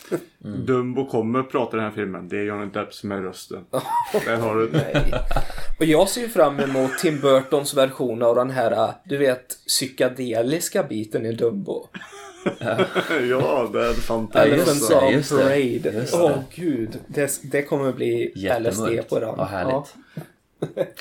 Yes, vi går vidare. Eh, det har kommit en liten eh, ny- nyhet angående rollbesättningen av En Disneys- annan live action. En annan live action version av en klassisk Disney-film. Alltså Aladdin. Som ska regisseras av Guy Ritchie. Eh, och da, eh, det är rollerna Aladdin, Princess Jasmine och Genie som har rollbesatts. Och med Aladdin så ska eh, en kille som heter eh, Mena Massoud spela. Och han har inte gjort så mycket, han är rätt så ny. Eh, vilket det är jättepositivt. De satsar på nya stjärnor. Liksom, Ja, nya. det är bara att kolla på Djungelboken. Ja, exakt. Och eh, så Jasmine ska spelas av Naomi Scott som såg senast i Power Rangers-filmerna som eh, eh, Kimberly the Pink Ranger. Och eh, Will Smith kommer spela Genie. Eh, Coolt. Ah. Yes, och jag... Vad tycker ni om det?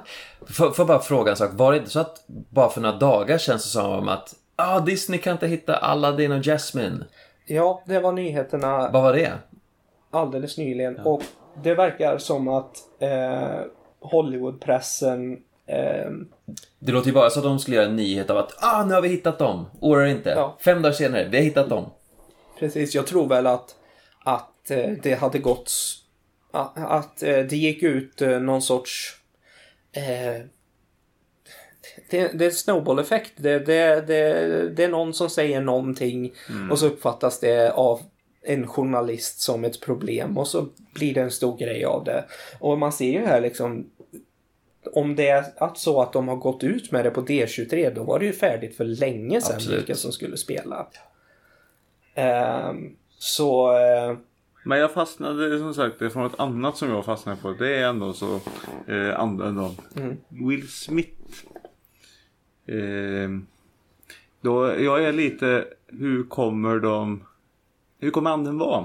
Han kommer vara CGI givetvis. Men Ja. kommer det vara Will Smith som är CGI eller är han Ja, bara det kommer nog rösten? säkert vara. jag, jag tror nog de gör en motion capture-affär av det. Att liksom han, han är på eh, on-set med skådespelarna men han har motion capture-kostym på sig. Ja, men det låter nog väldigt troligt. Ja.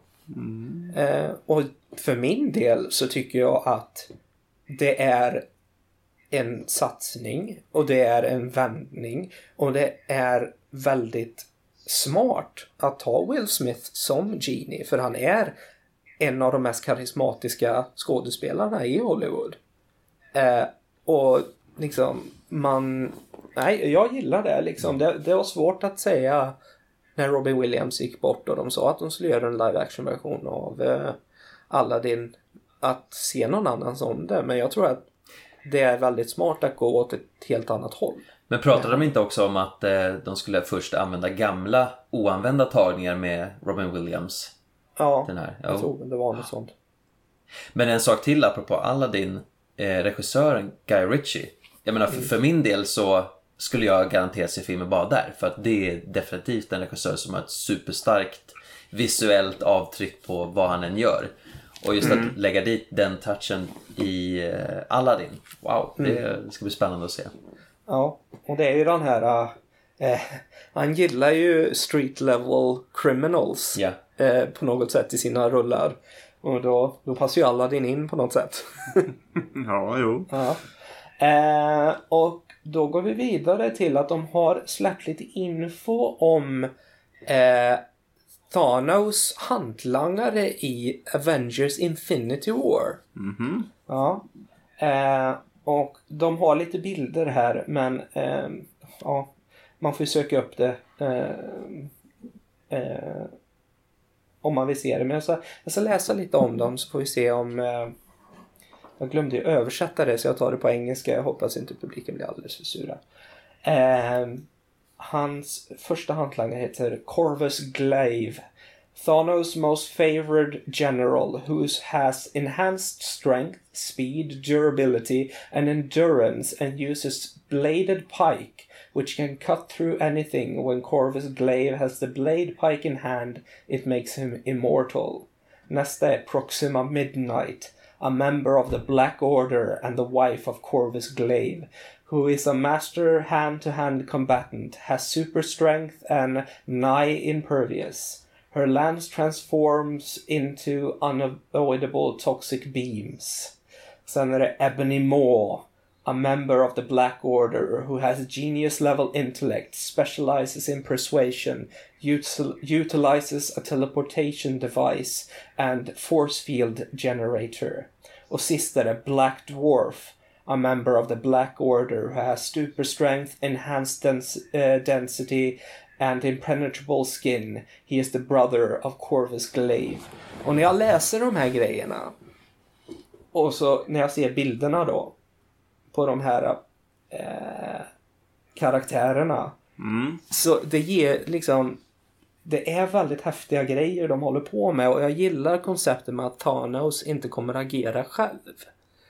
Eh, i, för att om man har liksom läst Infinity Gauntlet, den serien, eh, som, det baser, eller som det dels baseras på, så är han rätt, liksom det är han själv mot alla andra. Och det blir ju inte så filmiskt på något sätt. Nej.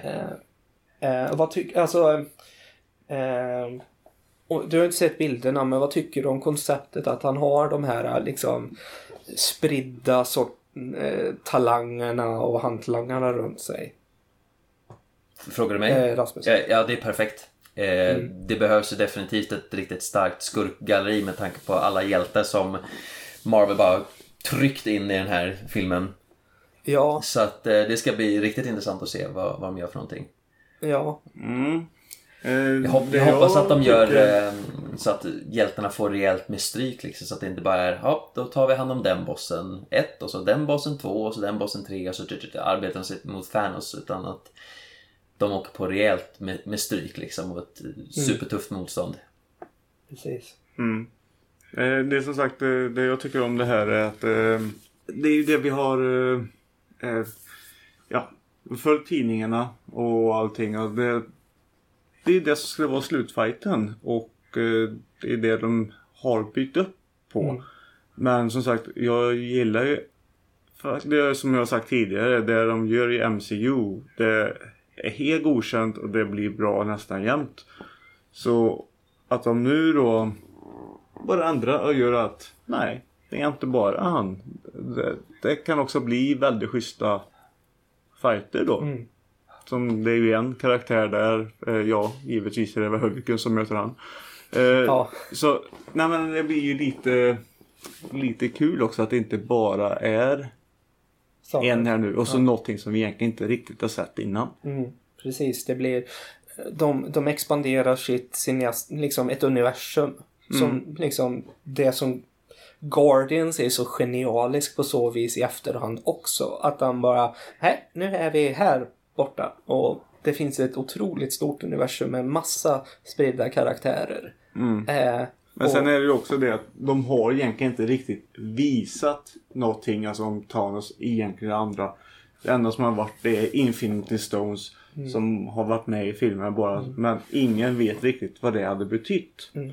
Och det är det vi kommer att få reda på, Precis. på nu. De har ju byggt upp så i filmkanalen. Så ja, det är goda nyheter det här ändå.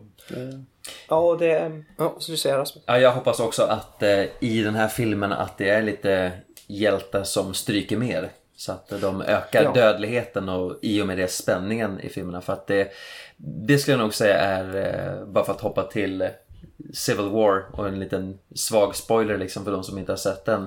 Är det att jag tycker att eh, Captain America, eh, eller för den delen Iron Man skulle ha dött i slutet där. Att det hade varit någon form av eh, effekt från, från den filmen. För att nu blev det mer eller mindre att allting var eh, hur bra som helst vid, eh, vid slutet nästan. Att ja, vi är jättearga på varandra men sen så kommer det här fina brevet på slutet. Och, eh, och så. Ja, den är... Ja, det, jag håller med där att det, det borde ha varit... Ja. Liksom, det närmsta man kom var att Rhodey blev eh, handikappad. Mm. Men det var faktiskt Rhodey jag hade faktiskt eh, tyckt skulle faktiskt ta dött där. Ja, Och jag trodde som sagt när man hade sett det i trailern att han dog där. Men eh, sen i filmen så... Ja, att han inte gjorde det och det var... Nej, det var lite synd. Ja. Eh, ska Yes, vi kanske vi rappa på lite där? Ja, Eh, nästa lilla tidbit är att de har släppt en eh, modell över hur eh, Disney Land, Disney World, mm, deras eh, Star Wars-land kommer att se ut. Mm. En modell över det. Och ehm, alltså det, det, man blir ju mer och mer sugen på det desto mer man ser ifrån det. Eftersom jag liksom någon gång vill man ju åka till USA och gå på Disney World eller Disneyland. Men eh, ja, nu när de liksom ska bygga en hel stad som utspelar sig på en eller ta, som ska vara en outer rim planet city i, på Disney liksom, då blir det ju en helt annan nivå av hur mycket man vill bege sig till USA bara för att gå på det. Är det någon av er som har varit där? Nej, inte jag. Nej, nej, jag har inte varit där. Nej, inte jag heller. Och. Kommer det finnas gärna Star åka Wars dit. Land i eh, Disneyland i Paris? Åh, då. Ska de göra det? Jag vet inte. Åh, det vore kul. Ja, det är lite, Ja. lite närmare att åka, om inte annat. Exakt. ja, det är ju det. Ja, jag skulle väl gissa om det här blir en liksom... Om det här blir en succé så bygger de väl det i Paris också skulle jag tro. Eh, så länge de inte är på Naboo så är jag nöjd. Ja, fast Naboo är ju... Det är mer för ögat att se. Ja. Tatooine är inte så lätt. Eller det är ganska lätt att göra. Det är bara att göra lite sand. Men jag då? jag tror de har sagt också att det är de här eh, miljöerna och just temat för de här nya eh, Star Wars Land och allting. Att det kommer vara främst fokus på de nya filmerna som Disney producerat. Så att det absolut kommer det finnas element av originaltrilogin och sånt. Men att störst fokus kommer säkert vara planeter som vi får se. I, har, fått, får se och har sett i de filmerna som släpps nu. Mm. Yes. Och eh, nästa grej jag ska prata om är att de släppte den här, eh, vi pratade om den lite snabbt där, behind the scenes grejen. Eh, av eh, The Last Jedi. Och eh, vad var, eh, alltså har du sett den Peter? Nej, Jag har inte hunnit. Eh, den, eh, eh, alltså vad tyckte du om den Rasmus? För du sa ju det att du hade sett den. Ja, jag har sett den. Jag, jag älskar den. Eh, Jag, jag tycker att eh, de har hittat en så skön formula för Ja. hur, hur de marknadsför de här filmerna med att de släpper en liten teaser under våren och så kommer ett be- behind the scenes-klipp under sommaren och sen en trailer. Eh, och jag diggar det. Jag, jag tycker att det här behind the scenes-klippet är minst lika häftigt och spännande att se som en trailer. Eh, Ja, det ger ju så, alltså det, den ger ju så mycket. ja. Det är ju så om man... Eh, liksom, eh, man ser tonen av det. Att liksom de har ett... Jag gillar ju det röda i den. Liksom. Det Ja. känns som att det kommer att vara... Det, det, Jo, men- det är färgkoden bakom den här. Den kommer att vara röd och svart. Ja, ja men det är som de här karaktärspostersna som de släppte då också. De Ja. är ju supercoola med de här sex huvudkaraktärerna och det var bara rött och vitt. Det är supersnyggt. Men, men, men bara för att komma tillbaka till det här bakom kulisserna-klippet som de hade. De har egentligen inte visat eller berättat någonting som vi egentligen inte redan vet. Nej. Och det är så smart att man sitter bara åh Star Wars, yes, yes, yes. Eh, och blir hu- hur exalterad och pepp liksom på den här filmen som om det skulle behövas mer. Men de har egentligen inte avslöjat någonting. Ja. Och jag gillar eh, liksom varenda gång man ser, liksom det är samma med Episode 7 när de introducerar alla de här nya varelserna. Över, och jag älskar eh, practical effects Ja. liksom. Det är, och de, jag gillar att Lucasfilm har anammat att det ska vara practical nu. Efter att liksom George Lucas gjorde tre filmer i en dator liksom. Mm. Även om det var mycket praktiskt där också, det vet jag. Men de, de kändes så CGI. Absolut. Ja men fokuset i de filmerna låg på att utveckla tekniken och inte riktigt eh, ja, filmerna i sig. Men det är supersnygg blandning av eh, praktiska och digitala effekter så det, det kommer att vara häftigt. Alla de här aliens och sånt som de visade, det ser eh, coolt ut kort sagt. Ja, absolut. Och jag gillar att eh, de... Ja men det är väldigt mycket så här gulligull verkar det som ändå. På de nya små varelserna. Ja, jag fick lite så här femte elementet-vibbar när jag såg eh, den ja, här festen eller vad det är för någonting som eh, man skymtar förbi där. ja, precis. Det är... Eh, det känns som att... Eh, och det, jag har hört att eh, det kommer att eh, gås in på eh, politiken post-Empire. Eh, vad, liksom, hur ser det ut eh, och hur, vem, är det som har, vilka har makten och sådana där saker kommer det gås in på. Det tycker jag är jättekul. Ja, Eh, Och om de verkligen styr in på det spåret så tycker jag att det är helt okej att de hade en tredje dödsstjärna i Force Awakens. För att det var en del som jag, när jag såg filmen och det dök upp en till dödsstjärna, jag bara nej, nej vad är det här för någonting? jag, vill- jag ville att liksom filmen skulle vara en road movie och de letar efter Luke. ja. Att det ska vara den och inte den här gigantiska bollen som dyker upp. Men om Episod 8 visar att nu är det en gigantisk eh, lucka i, liksom universumet. Vem är det som bestämmer? Eh, för eh, republiken är borta. Eh, vad heter de? Empire. Fir- First Order är Ja, kraftigt försvagade liksom. Vilka är då som kommer att försöka eh, kasta sig och vara den, den största största Ja. kraften eller vad man ska säga.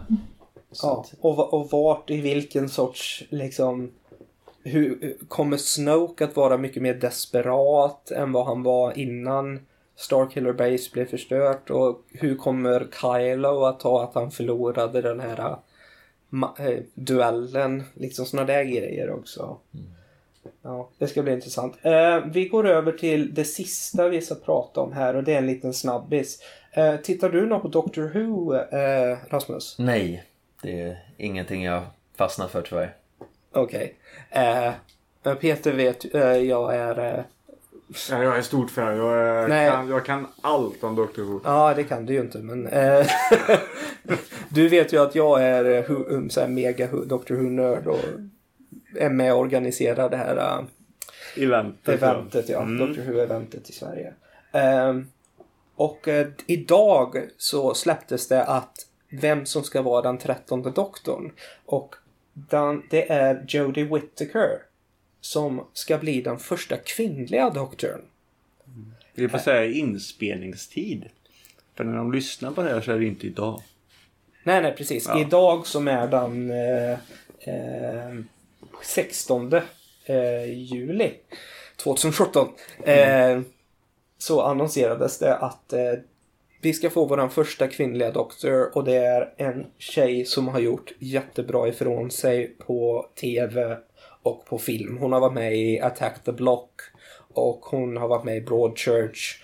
Hon, hon kan sina grejer. Internet har exploderat med mycket praise men också mycket hemsk eh, sexistisk eh, sexistisk skitsnack. Eh, men det ska vi inte gå in på för att det är otrevligt. Men jag tycker det är jättekul att de tar en satsning, de vill göra något nytt och liksom de visar att Ja, men alltså hur länge har Dr. Who hållit på nu? 63.